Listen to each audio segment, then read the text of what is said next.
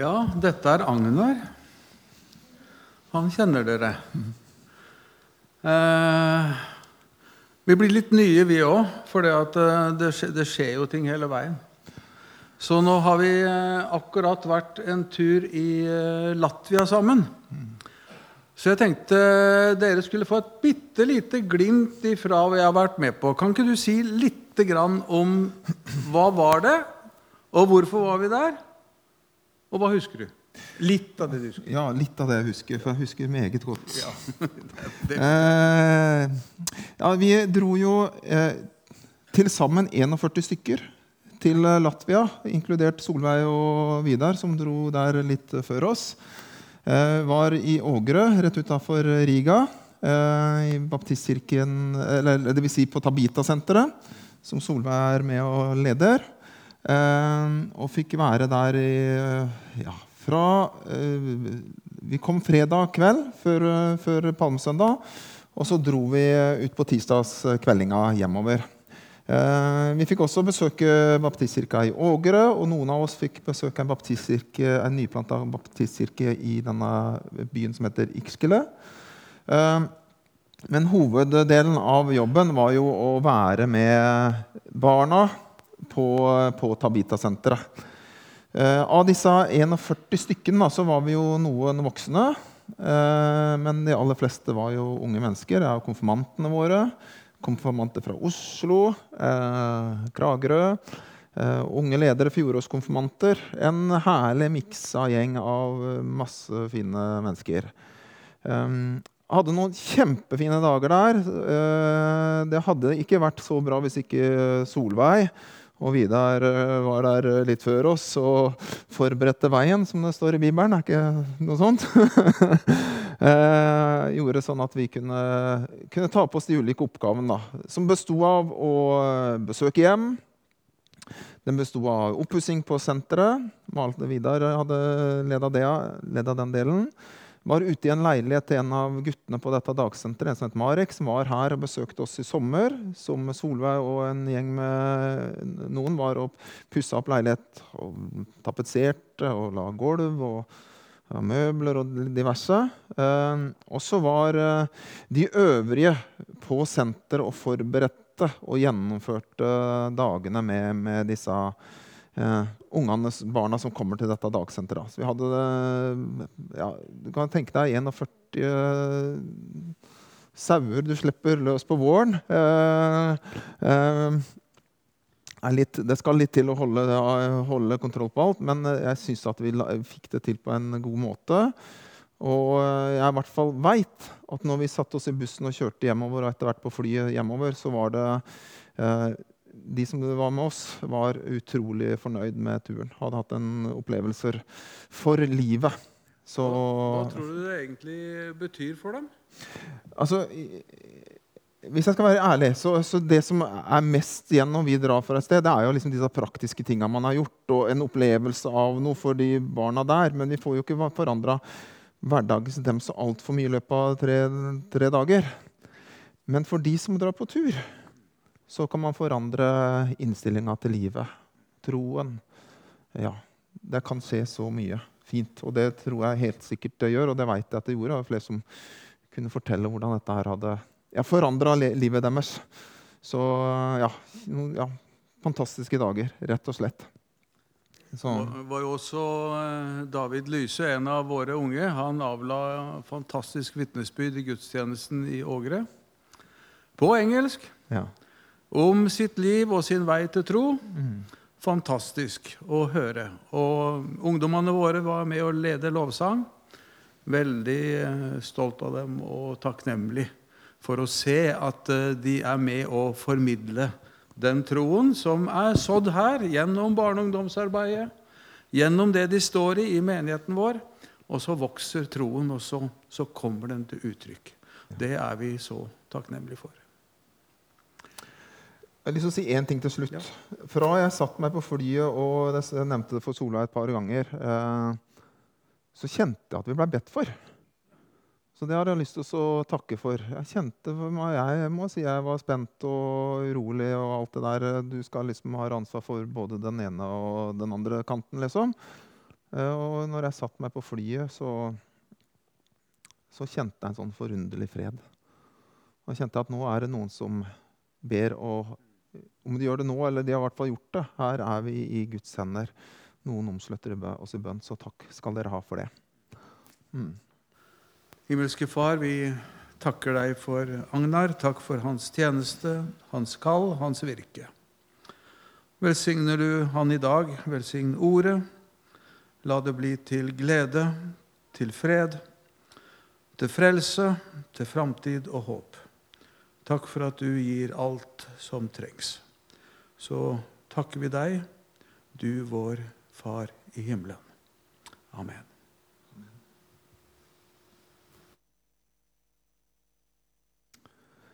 Ja, han er oppstått.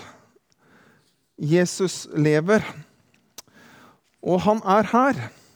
Ja, åpne opp ditt hjerte, for han vil møte deg. Lytt, for han vil tale til deg. Det har vært et, eh, det har vært et ord som har vokst fram eh, i meg gjennom påska. Ikke bare tilknyttet til Latvia-turen, men, men, eh, men, ellers i påska. Jeg kan komme litt tilbake til hvorfor seinere.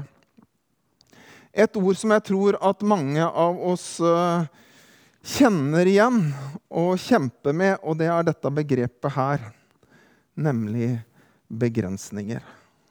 Og så har jeg satt en liten sånn overskrift på denne talen for deg som har fått SMS eller har fått med annonse et eller annet sted. Og det er 'Vi ses i Galilea'. Og jeg vet at jeg er ikke så veldig glad i å bare gi sånn ulne ting som man ikke helt forstår hva jeg skal snakke om. Men denne gangen så har jeg gjort det. Og så tenker jeg nå kan du få lov til å la det være i en sånn lite, ligge litt der og lure litt på hva er det Agna mener med det. Men jeg kommer til å snakke litt om å ta utgangspunkt i dette ordet, dette begrepet begrensninger.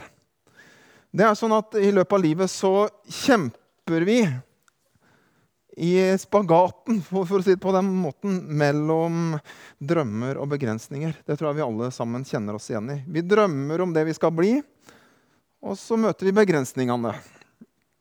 Og så drømmer vi hva vi skal gjøre, og så møter vi begrensninger. Vi kjenner oss begrensa av kroppen vår, av helsa vår, av hverdagen vår av historien vår, erfaringene vi bærer på, av evnene våre, eller mangel på evner. Men mange ganger, kanskje de aller fleste, så, så er begrensningene styrt av tankene våre, holdningene våre, hodet vårt. Ja, Noen ganger så er det begrensninger de verste eh, knytta til det. Og det er i tillegg sånn at ofte ofte så smitter også dette her over på vårt, på vårt åndelige liv, på vår tro. På vår relasjon til Jesus. Ja, til og med på vårt gudsbilde. Hvem vi tenker han er, hva vi tror at han kan gjøre i livet vårt. Og, og, og vi setter begrensninger for han i, i møte med vårt eget liv, hva han kan gjøre i det. Ja, det blir mange ganger sånn, i hvert fall i mitt liv, at begrensninger jeg kjenner på i, i, mitt eget liv, det overfører jeg til hva jeg tenker Gud kan gjøre i livet mitt. Ja, kan han møte meg? Vil han gjøre noe gjennom livet mitt? Om du kjenner deg igjen i dette, kjenner på at du også kjemper med begrensninger, så håper jeg å kunne si noe til oss begge i dag. Det er en rød tråd som går igjennom eh, Matteus sin fortelling. Sin, eh, sin, beskrivelse av Jesu død og oppstandelse. Fortellingen om Jesus. Og Denne røde tråden i Matteus den finner du fra skjærtorsdag, fra, fra Jesus spiser eh, maten med sine disipler. Og ikke bare til etter oppstandelsen, helt fram til den dagen han står foran disiplene og gir dem det som kalles for misjonsbefalingen. Og denne røde tråden, da, det er et møte Jesus avtaler med sine disipler. Og Vi skal gå til den første teksten, og der står det sånn i, i Matteusevangeliet, kapittel 26. Da de hadde sunget lovsangen gikk de ut til Oljeberget. Dette var etter, eh, etter, etter nattverdsmåltidet. Da sier Jesus til dem, i natt kommer dere alle til å falle fra og vende dere bort fra meg, for det står skrevet. Jeg skal slå gjeterne, og sauene skal bli spredt. Men etter at jeg har stått opp, skal jeg gå i forveien for dere til Galilea. Peter tok til orde og sa, om så alle vender seg bort fra deg, kommer jeg aldri til å gjøre det. Jesus svarte, sannelig, jeg sier deg, i natt før hanen galer, skal du fornekte meg tre ganger. Men Peter sa, om jeg så må dø med deg, vil jeg ikke fornekte deg. Det sa samme sa også alle de andre disiplene. Jesus avtaler et møte med sine disipler etter at han har stått opp. Og, og dette ender med, den, med forsigelsen av Peters fornektelse. Disiplene skjønner ikke Jesus sine ord der, og Jesus provoserer dem. Han sier at de snart skal møte sin egen tilkortkommenhet. Det de, dere skal dere, dere skal bli spredt, og dere skal falle fra. De skal møte sine begrensninger. Ja, han provoserer dem med, disse orda her. Men så sier Jesus at etter alt dette har skjedd Når jeg har stått opp, da skal jeg møte dere i Galilea. Så gå i forveien dit, for jeg skal møte dere i Galilea. Det eneste som for meg er forståelig for disiplene i det Jesus sier, det er egentlig akkurat det. At de skal svikte han, at han skal stå opp. Altså stå opp fra hva og hvor. De hadde ikke forstått at han skulle, skulle gi sitt liv. Men at de skulle møtes i Galilea, det var jo sant. Og det visste de jo, for de skulle jo selvsagt dit. De skulle jo hjem. De skulle jo hjem til Galilea etter festen i Jerusalem, sånn som de, sånn som de alltid gjorde. De skulle hjem til det vante og til det hverdagslige. Men så skjer det, sånn som Jesus har sagt. Når Jesus arresteres, så svikter de, og de rømmer. Og Peter, han som skulle stå der og holde ut alt. Han fornekter, ja, han banner på at han ikke kjenner Jesus. Og Jesus han føres framfor den ene og den andre, og til slutt foran Pilatus. Og han dømmes, og han korsfestes, og det, han dør. Ja, det tårner seg opp begrensninger i disiplene sitt liv med Gud. Først så lot de frykten ta seg. Der hvor de hadde sagt at de skulle framstå modige. Så svikta Peter, han som hadde lovt at han skulle stå om alle falt. Og så til slutt så raser trosfortellingen om hva de tenkte at Gud skulle gjøre gjennom Jesus. For de hadde helt klare formeninger om hva som nå skulle se. Jesus han skulle opprette, gjenopprette riket for Israel. Det var det, det, var det de venta på. Og disse tinga her, da, både frykt, svik eller mine tanker om hva Gud bør gjøre i livet mitt, ja, det er kjente begrensninger som jeg kjenner i mitt eget liv. Og så raser alt, og så står det kun ett løfte tilbake. Og det er dette løftet her. Når jeg har stått opp, da møtes vi i Galilea. Møt meg der så er det ikke bare tankene om eget liv som gjør at jeg har tenkt på dette begrepet begrensninger gjennom påska. Nei, det er påska sitt budskap generelt i seg sjøl. Fordi påska handler så inderlig om, om det motsatte av begrensninger. Påska er et budskap som er grensesprengende. Om Jesus som er grensesprengende om han som gir sitt liv, ja, som, som gir alt. Som ikke holder noe tilbake. Som drikker hele begeret, for å bruke bildet fra natten i Getsemane, der han, der han ber, Jesus, ber, Gud ta dette begeret fra han. Men bare som du vil, ikke som jeg vil. Men det ender med at Jesus tar hele begeret. Han gir alt. Ja, Påska er grensesprengende. Handler om Gud som gir sin synd, gir sin sønn for all vår synd og vår skyld. Om korset. Om forhenget som, som revner. Ja, om Gud som er ferdig med å bare møtes kun av mellommenn i den innerste delen av tempelet, som nå vil flytte inn i hjertet til alle de som er knust og nedbøyd i ånden, sånn som Jesaja-boken hadde profetert om. Påska er grensesprengende. Den handler om steinen som ruller bort, om graven som åpnes, om menneskesønnen som overvinner det onde, synden og døden, som blir levende igjen, som lever i dag. Så påska er grensesprengende. Og så står jeg allikevel her og kjemper med mine begrensninger. Jeg veit ikke hvordan du opplever det når du, du leser eh, tekstene fra, fra disiplene sine møter med Jesus etter hans oppstandelse. Men du kan ane noe av det samme hos dem. Kanskje var det noe av dette også disiplene kjente på når de tredje dagen møter Maria og Magdalena og den, man, og den andre Maria, som entusiastisk kommer til disiplene og forteller at de har sett en tom grav. Og der har de møtt en engel som sier at Jesus ikke er der mer. Ja, Etter det så forteller faktisk kvinnen at, at de har møtt Jesus sjøl. Jeg veit i hvert fall om én begrensning som disiplene kjente på. Og det var den store begrensningen vi alle kan kjempe med, nemlig tvil. Én ting er Thomas-tvileren. Men er, vi, lese, vi, skal lese det etterpå.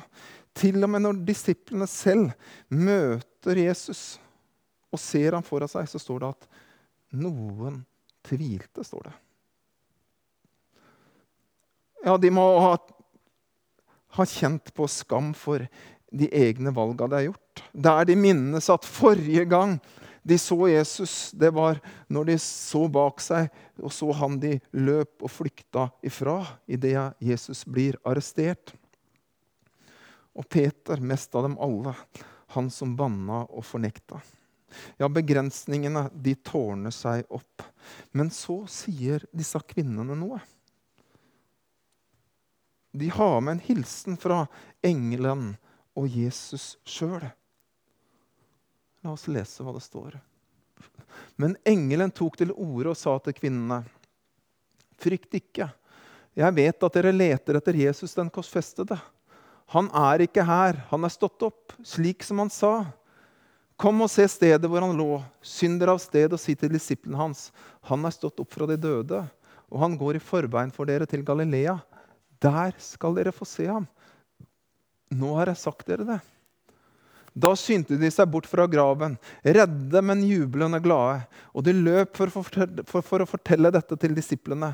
Og se, Jesus kom mot dem og sa, 'Vær hilset.' De gikk fram og omfavnet føttene hans og tilba ham. Jesus sa til dem, 'Frykt ikke. Gå og si til mine brødre at de skal dra til Galilea. Der skal de se meg.' Dra til Galilea. Der skal de se meg. Altså, Jesus kunne jo ha møtt dem i Jerusalem. Ja, Jesus kunne jo ha venta der, til og med der ved, ved porten til graven, ved, ved sida av den rulla steinen, og venta og sagt at kommer disiplene til meg. La de få møte meg her. Det hadde vært det mest naturlige. Så kunne de stått og feira oppstandelsen der i Jerusalem, rett utafor den tomme graven. Men det er nesten som om Jesus har en intensjon om at han vil møte dem et annet sted. Kom til eh, Galilea, sånn som jeg har lovt. Sånn som jeg en gang sa. At etter at dere har svikta, etter at dere har forlatt meg, etter at jeg har stått opp, kom til Galilea, for der skal vi møtes. Det finnes sikkert andre forklaringer på dette enn det jeg kom til å peke på. Men for meg så møter Jesu ord og Jesu invitasjon til Galilea meg med en stor trøst. Det er som om Jesus vil demonstrere noe. Jeg har det sånn, kanskje du kjenner deg igjen, at i mitt forhold til Jesus, i min tro, så kan jeg lage meg en del forutsetninger som hva må til for at Jesus skal kunne få berøre meg, tale til meg, virke gjennom meg. Ja, og vi kan lage det også som fellesskap også. Jeg veit ikke eh, Det var noen av dere som var her da. Ikke, ikke alle sammen.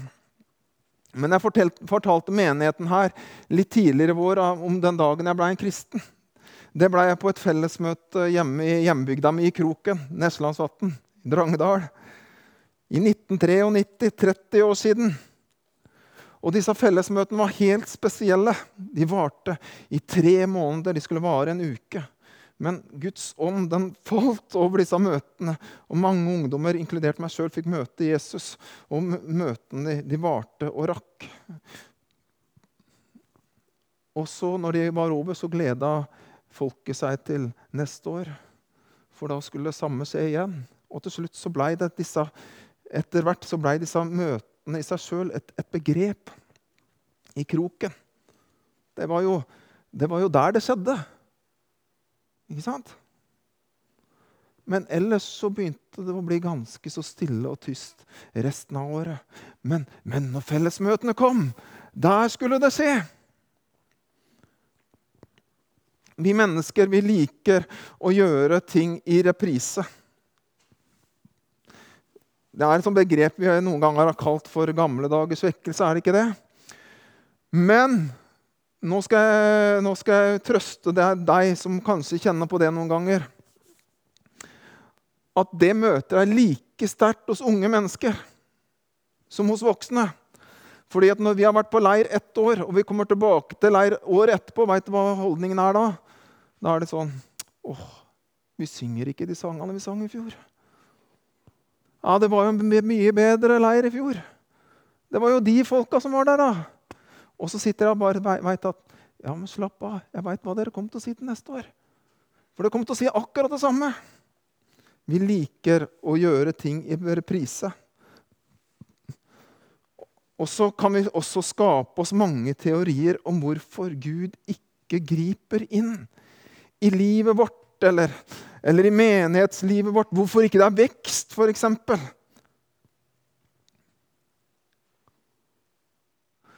Og så skapes det mange teorier om hva som må til for at så skal skje.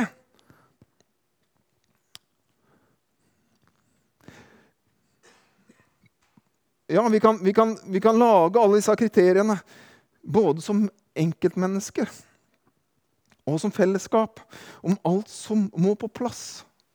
Og når alt det er på plass, da tenker vi da kan ting skje. Ja, jeg må bare få det til først. Jeg må bare slutte med denne tingen som jeg har holdt på med altfor lenge. Jeg vet at jeg, jeg, må bare bli et bedre menneske. Eller jeg må bare få tid først. Akkurat nå. Nå er det så travelt. At, men bare disse tinga får lagt seg. Bare barna blir litt større. Men jeg har bare ikke skjønt hvor, hvor slitsomt det er for ungdommer. Og etter hvert når ungdommene blir voksne, altså det blir ikke noe bedre da. Ikke sant? Den tida den kommer aldri, men vi venter på liksom at omstendighetene skal bli det rette. Eller vi kjemper med at vi må be mer. Og vi må gjerne be mer. Så, å be mer, det er ikke det. Men det er som om vi setter opp disse kriteriene. At, at bare vi gjør det, da kan det skje. Eller vi må fokusere på de, på de rette temaene. Jeg har kjempa med det en del ganger i, som pastor på alle dem som mente at bare vi snakker om dem tinga, og bare vi snakker om dem tinga og dem tinga og dem tinga altså, Vi har jo ikke, vi har ikke gudstjenester nok til å snakke om alle temaene vi skal snakke om for at Gud til slutt skal kunne virke. Eller vi må synge de rette sangene. Eller vi må ha gudstjeneste på de rette måtene. Eller ha de rette programmene i kirka vår.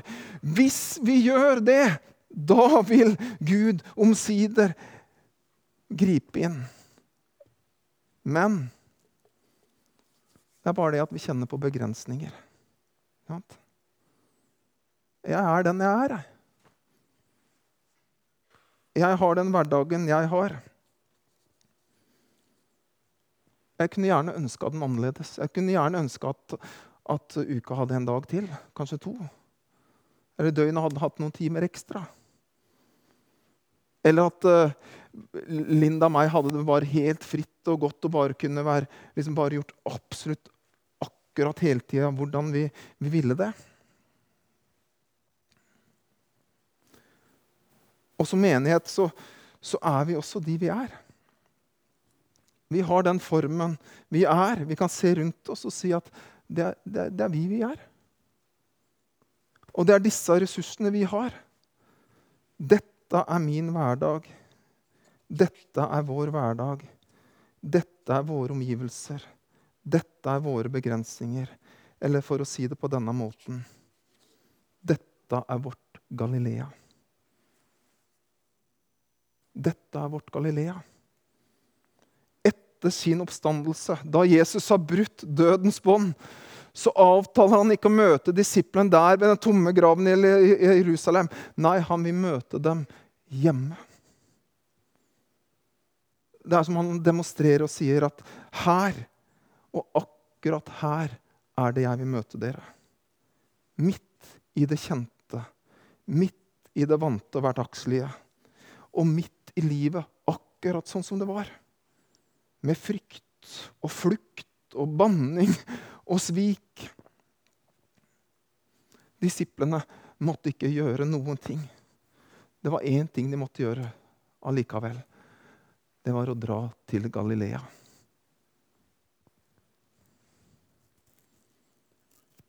Og i et av de andre evangeliene som fremstiller den samme historien, så hilser Jesus spesielt Peter i denne anledningen han som var den siste vi skulle tenke at Gud, Jesus, hadde et ønske om å skulle møte. Hvis det var det at han skulle bli bra nok til å møte Jesus, eller bra nok til at Jesus skulle virke gjennom han, så er det han, Jesus, på en spesiell måte har pekt seg ut og sagt at hils til Peter. For jeg har noe spesielt jeg skal si til han. Og så møtes de der hjemme i Galilea. Og Fortellingen står sånn i Matteus kapittel 28. Men de elleve disiplene dro til Galilea, til fjellet der Jesus hadde sagt han ville møte dem. Og da de fikk se ham, falt de ned og tilbød ham. Men noen tvilte. Fremdeles begrensninger. Men de får møte Jesus. Da trådte Jesus fram og talte til dem. 'Jeg har fått all makt i himmel og på jord'. Og så fortsetter han. 'Gå derfor ut'. Og til Peter, som sannsynligvis er i nærheten av den samme historien For denne historien som jeg nå skal fortelle om, ser også i Galilea, nemlig ved Tiberias-sjøen. Der møter Jesus Peter, og der lyder spørsmålet til Peter. Elsker du meg? Og så starter noe nytt i disiplene sitt liv. Og dette nye livet, denne nye tjenesten, dette nye kapitlet i deres liv, om, om du vil Det starter av alle steder, der i Galilea, i det kjente, vante, hverdagslige. Jeg kjenner at når jeg har jobba med denne teksten sjøl, og disse tekstene, så har jeg forundra meg fram og tilbake om hva og hvorfor. Og så måtte jeg jobbe litt med det ekstra i går. Ja, noen ganger man kjemper litt ekstra. Mens jeg holdt på med det, så kjente jeg plutselig at veit du hva, Agnar? Du skal preke til deg sjøl.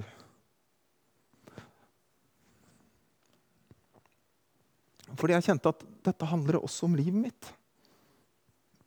Fordi akkurat nå så lever kona mi og meg i en fase hvor mye har endra seg på kort tid. Før jeg dro til Latvia Den fredagen når vi dro til Latvia, er en av de mer aktive dagene i familien, særlig på mange år. Fordi da ble Linda ringt opp. Hun skulle starte på en ny jobb dagen etterpå. Vi har avslutta som fosterforeldre og begynt i beredskap som beredskapshjem. og ble ringt opp kan dere ta imot to små. Og det endte vi med å si ja til. Så når jeg dro, så kom det to små til Linda. To små på ett og tre år. Så jeg ble småbarnspappa i løpet av påska. Tidenes korteste svangerskap.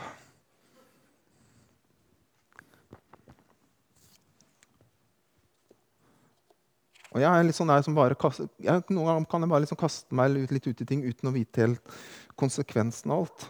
Men når jeg kom hjem, og har, vi har, nå har jeg fått vært sammen med disse nydelige barna i noen dager, så veit jeg at dette vil prege hverdagen min på ubestemt tid framover. Jobben min den er grei, den er jeg trygg på, den skal jeg ha tid til og overskudd til. Men hverdagen utover den jeg er jo ganske ny i Skien. Jeg har et håp om å bli kjent med, med, med andre. Spille litt innebandy av og til, f.eks. Jeg har et ønske om å være, være et vitne, om å nå ut med det Jesus har gjort i livet mitt. Jeg tror du kjenner på akkurat det samme. Men akkurat nå, jeg holdt på å si igjen, bare på en ny måte, så kjenner vi oss, jeg meg ja, begrensa. Ja, det er vanskelig å få, få til mer enn dette akkurat nå, og jobb. Jeg kjemper med begrensning, ikke bare dette her, men i forhold til den jeg er. I forhold til feila mine, i forhold til min tilkortkommenhet, i forhold til helsa mi, i forhold til evnene jeg har. Men så er mitt håp det er at i mitt Galilea, der vil Jesus møte akkurat meg. Og der vil han virke gjennom meg. Denne våren, som du så på filmen vi starta med, så er temaet nytt liv. Og kanskje du bærer på denne bønnen Gud, gjør noe nytt. Gjør noe nytt i livet mitt. Og det nye det starter med et tomt kors og en tom grav. Det starter med nåden, det starter med Jesus. Og ingen andre ytre staffasje trenger, trengs. Ingen perfekte forutsetninger. Nei, faktisk midt i din hverdag, midt i ditt Galilea, faktisk akkurat her, akkurat nå, så starter det nye fordi han har gjort alt. Så til slutt, til deg som bærer denne bønnen, Jesus gjør noe nytt, så har jeg lyst til å avslutte med disse ordene jeg starta med. Han er oppstått. Jesus lever. Og han er her. Åpne opp ditt hjerte, for han vil møte deg. Lytt for han vil tale til deg.